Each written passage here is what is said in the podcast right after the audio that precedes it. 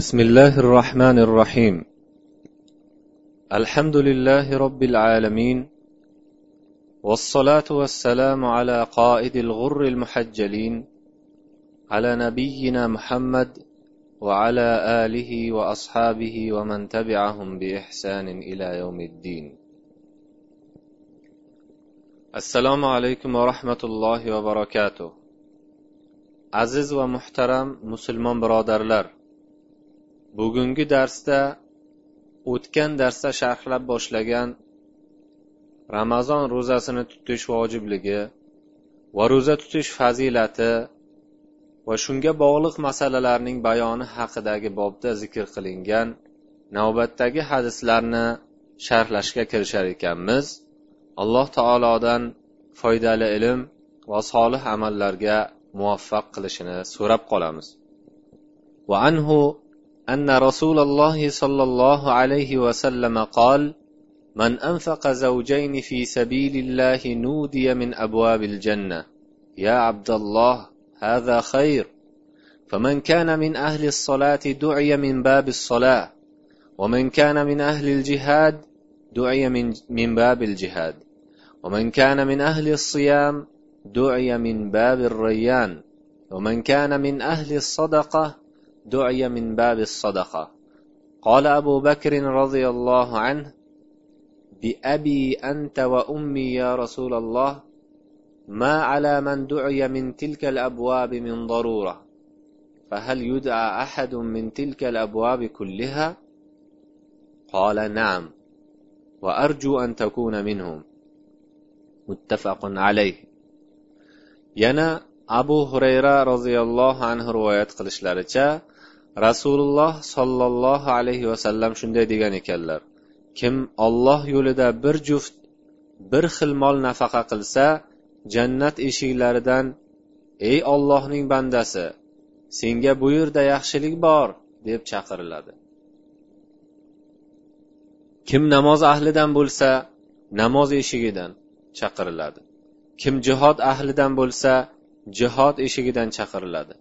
Kim ro'za ahlidan bo'lsa rayyon eshigidan chaqiriladi. Kim sadaqa ahlidan bo'lsa sadaqa eshigidan chaqiriladi. Abu bakr roziyallohu anhu ey rasululloh ota onam sizga fido bo'lsin. Ushbu eshiklardan chaqirilgan kishining boshqa eshiklarga ehtiyoji yo'qku. Biror kishi o'sha eshiklarning hammasidan chaqiriladimi? dedilar. Rasululloh sollallohu alayhi vasallam ha siz o'shalardan bo'lishingizni umid qilaman dedilar. Muttafaqun alayh. Ushbu hadis sharifda zikr qilingan fi sabilillah ya'ni olloh yo'lida degan iboraning ma'nosida ulamolar ixtilof qilishib ba'zilari uning ma'nosi jihod deyishgan bo'lsa yana boshqalari ma'nosi undan ko'ra umumiyroq deyishgan ekan. Anfaqa zavjayni iborasining ma'nosi molning har qanday turidan ikkita bir xil narsani infoq ehson qilish degani masalan ikki tuya yo ikki ot yo ikki dinor yo ikki dirham va hokazo.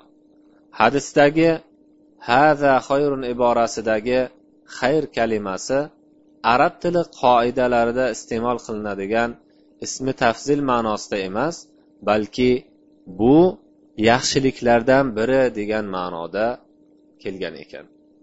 Va undagi tanvin shu narsani juda ulug' ekanini bildirish uchun iste'mol qilinib bu bilan gapdan ko'zlangan maqsad kelib chiqadi.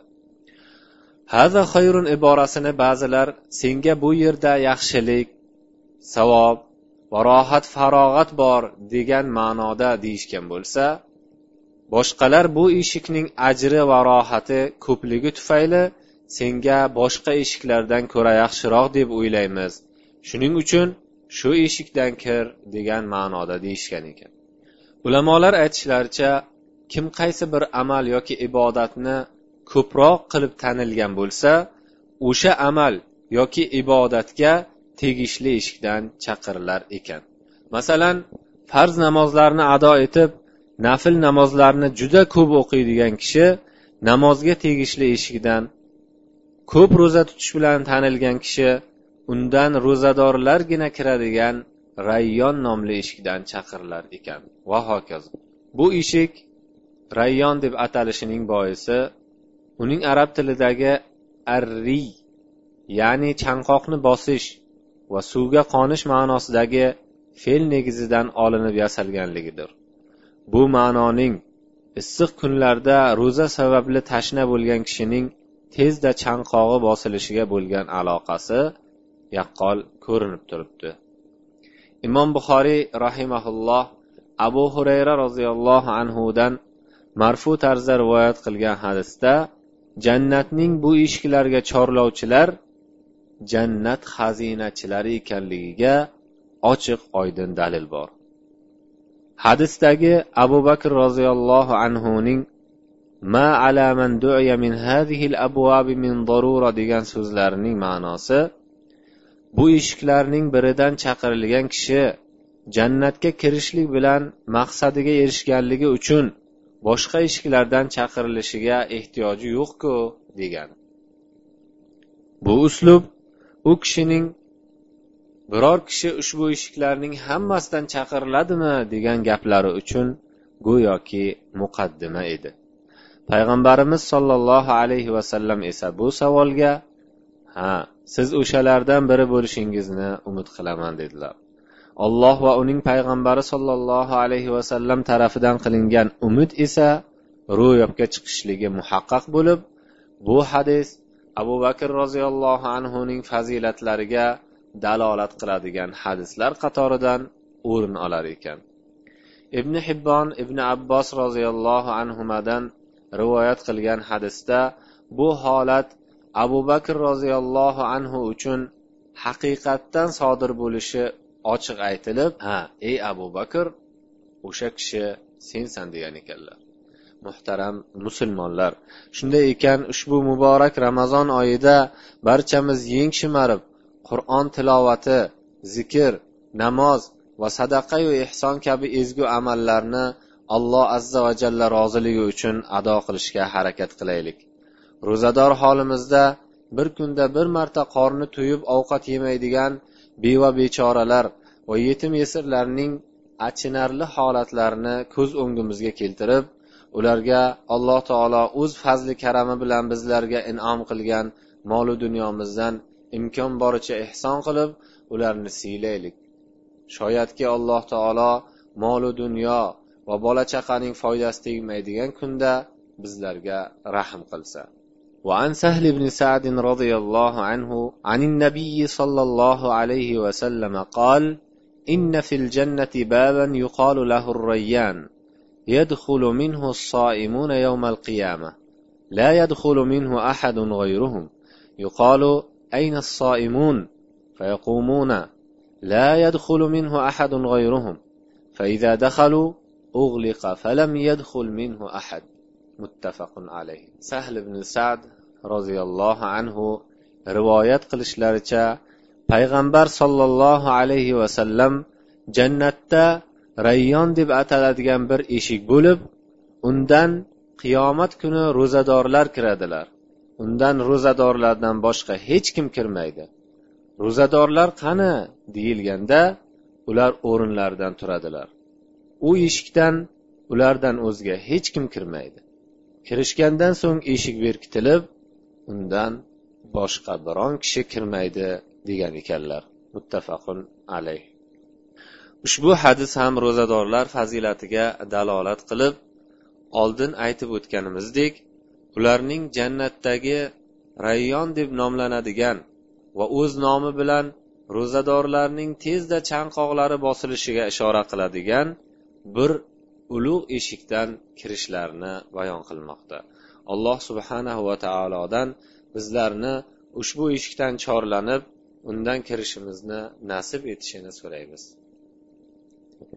وعن أبي سعيد الخدري رضي الله عنه قال قال رسول الله صلى الله عليه وسلم ما من عبد يصوم يوما في سبيل الله إلا باعد الله بذلك اليوم وجهه عن النار سبعين خريفا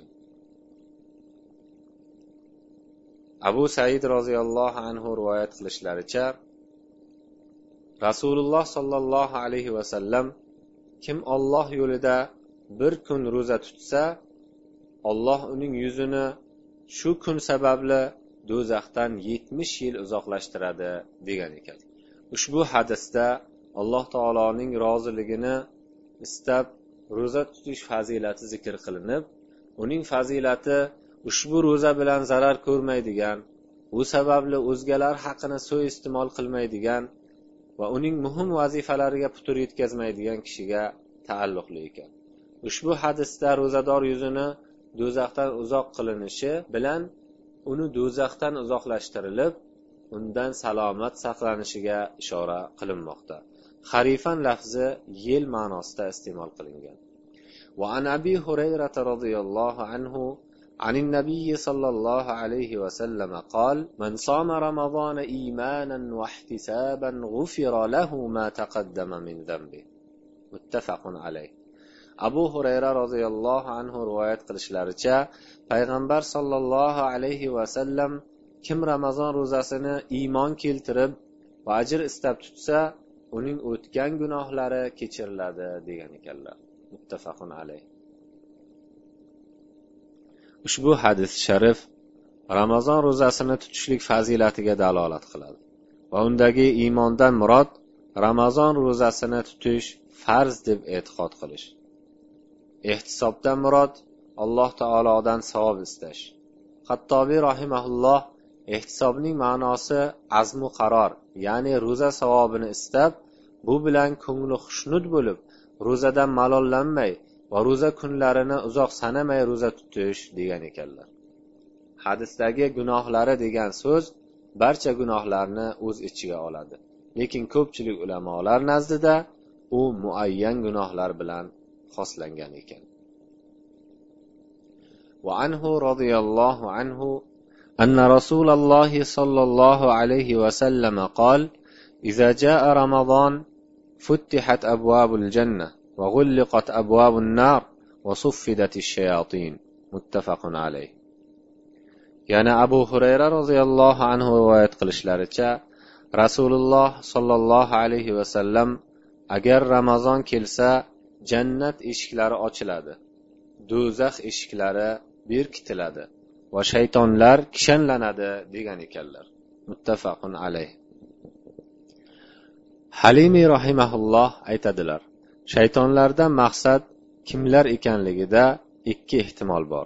Birinchisi shaytonlardan maqsad vahiyga quloq tutib gap o'g'irlaydigan shaytonlar bo'lib ular ramazon kunlarida emas balki uning kechalarida kishanlanadilar. Chunki ular qur'on nozil bo'layotgan vaqtda vahiyga quloq tutib gap o'g'irlashdan man qilingan edilar. Shu bois vahiyni saqlash uchun yana ham kishanlari ziyoda qilingan edi.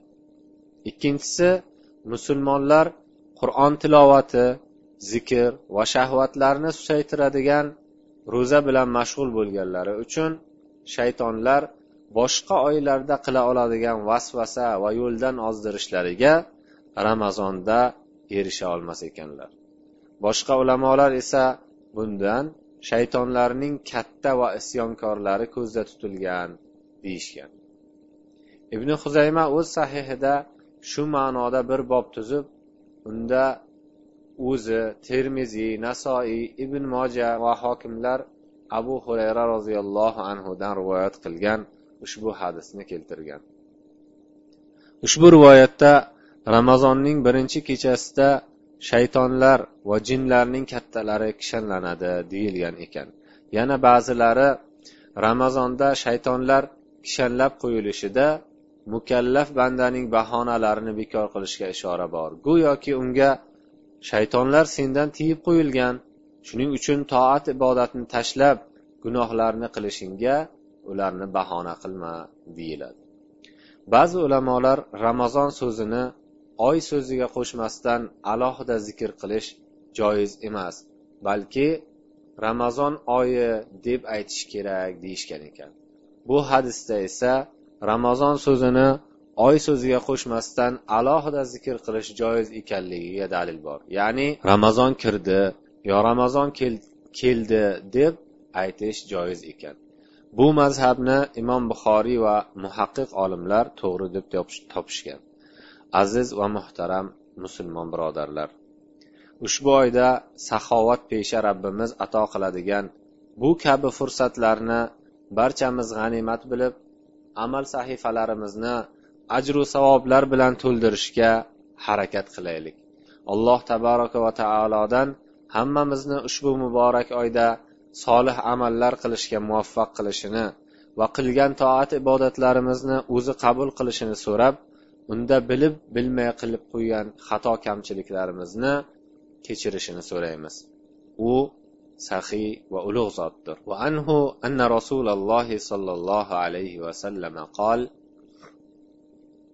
sumu li ru'yatihi va aftiru li ru'yatihi. فإن غبي عليكم فأكملوا عدة شعبان ثلاثين متفق عليه. وهذا لفظ البخاري. وفي رواية مسلم فإن غم عليكم فصوموا ثلاثين يوما. ينا أبو هريرة رضي الله عنه دار رواية خلن الشاء. رسول الله صلى الله عليه وسلم yangi oyni ko'rishlik bilan ramazon ro'zasini tutib uni ko'rishlik bilan ro'zani tugatinglar agar chang to'zon sababli sizlarga ko'rinmay qolsa shabonning sanog'ini o'ttiz kun qilib to'liq qilinglar degan ekanlar.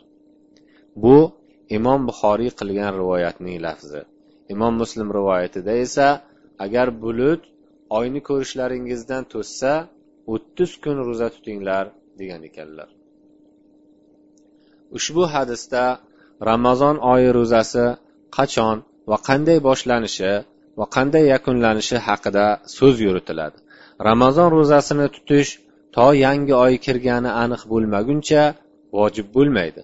Ramazon oyi kirmasdan oldin uning ro'zasi tutilmaydi.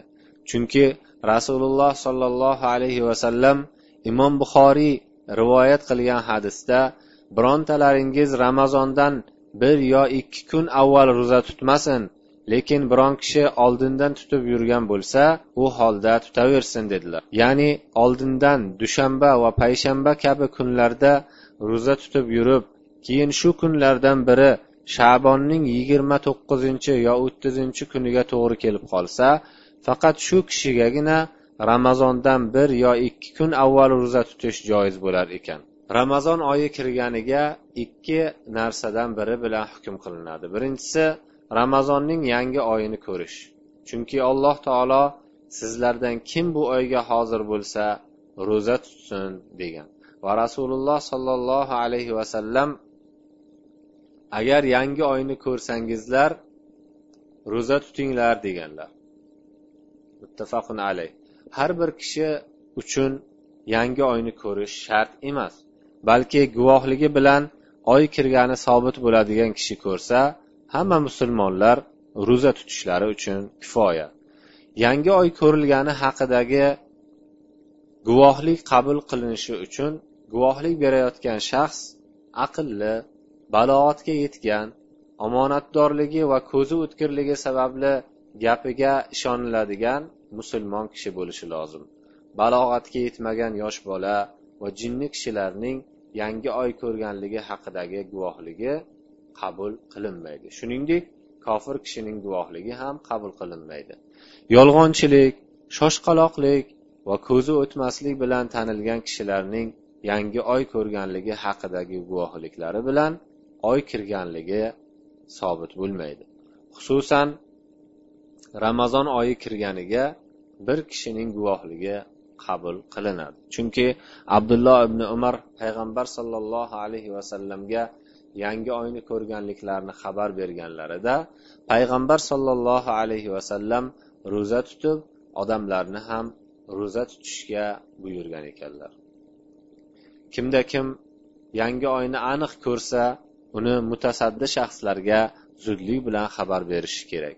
Shuningdek ro'za ramazon hayiti va haj kabi shar'iy ibodatlarga taalluqli bo'lganligi uchun shavvol va zulhijjaning yangi oylarni ko'rgan kishi ham ko'rganligini bildirishi kerak. Ikkinchisi yangi oyni ko'rishdan bulut va chang kabi narsalar man qilsa u holda oy kirganiga undan oldingi oyni to'liq ya'ni o'ttiz kun qilish orqali erishiladi. Chunki qamariy oy o'ttiz kundan ziyoda va yigirma to'qqiz kundan kam bo'lishi mumkin emas. Ba'zi yillarda ikki oydan to'rt oygacha o'ttiz kun yoki ikki oydan to'rt oygacha yigirma to'qqiz kun bo'lishi mumkin. Lekin ko'pincha bir yo ikki oy to'liq va uchinchisi noqis bo'ladi. Qachon o'tgan oy to'liq o'ttiz kun bo'lsa yangi oy ko'rilmasa ham shar'an undan keyingi oy kirgan deb hukm qilinadi. Chunki payg'ambar sollallohu alayhi vasallam yangi oyni ko'rishlik bilan ramazon ro'zasini tutib uni ko'rishlik bilan ro'zani tugatinglar. Agar bulut oyni ko'rishlaringizdan to'ssa uni o'ttiz kun qilib hisoblanglar degan ekanlar. Ushbu hadislardan ma'lum bo'ladiki ramazon ro'zasini yangi oy ko'rmasdan burun tutilmaydi. Agar oy ko'rinmasa shabon oyi o'ttiz kun qilib to'liq qilinadi. Shabonning o'ttizinchi kuni osmon bulutli bo'lsa ham ochiq bo'lsa ham ro'za tutilmaydi. Chunki ammor ibn yosir kim shak kunida ro'za tutsa abul qosim sollallohu alayhi vasallamga osiy bo'libdi degan ekanlar. Muhtaram birodarlar mana shu hadis bilan ushbu darsimizga yakun yasab keyingi darsimizda navbatdagi bobning sharhiga kirishamiz. Alloh taolodan bu oyni bizlar uchun yaxshilik va baraka oyi qilib unda faqat o'zigagina toat qilishni nasib etishini unga ma'siyat qilishdan saqlashini va bizlarni va ota onalarimizni mag'firat qilishini so'rab qolamiz.